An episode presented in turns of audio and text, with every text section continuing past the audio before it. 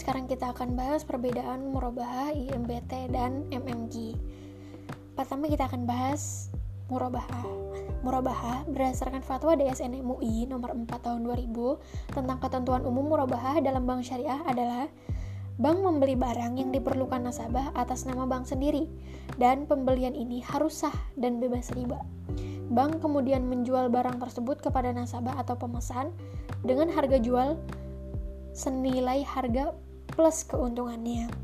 Dalam kaitan ini, bank harus memberitahu secara jujur harga pokok barang kepada nasabah berikut biaya yang diperlukan. IMBT sesuai dengan adanya fatwa dari DSN MUI. Dalam fatwa DSN MUI nomor 27 tahun 2002 disebutkan bahwa dalam masyarakat telah umum dilakukan praktek sewa beli yaitu perjanjian sewa menyewa yang disertai dengan opsi pemindahan hak milik atas benda yang disewa kepada penyewa setelah masa sewa.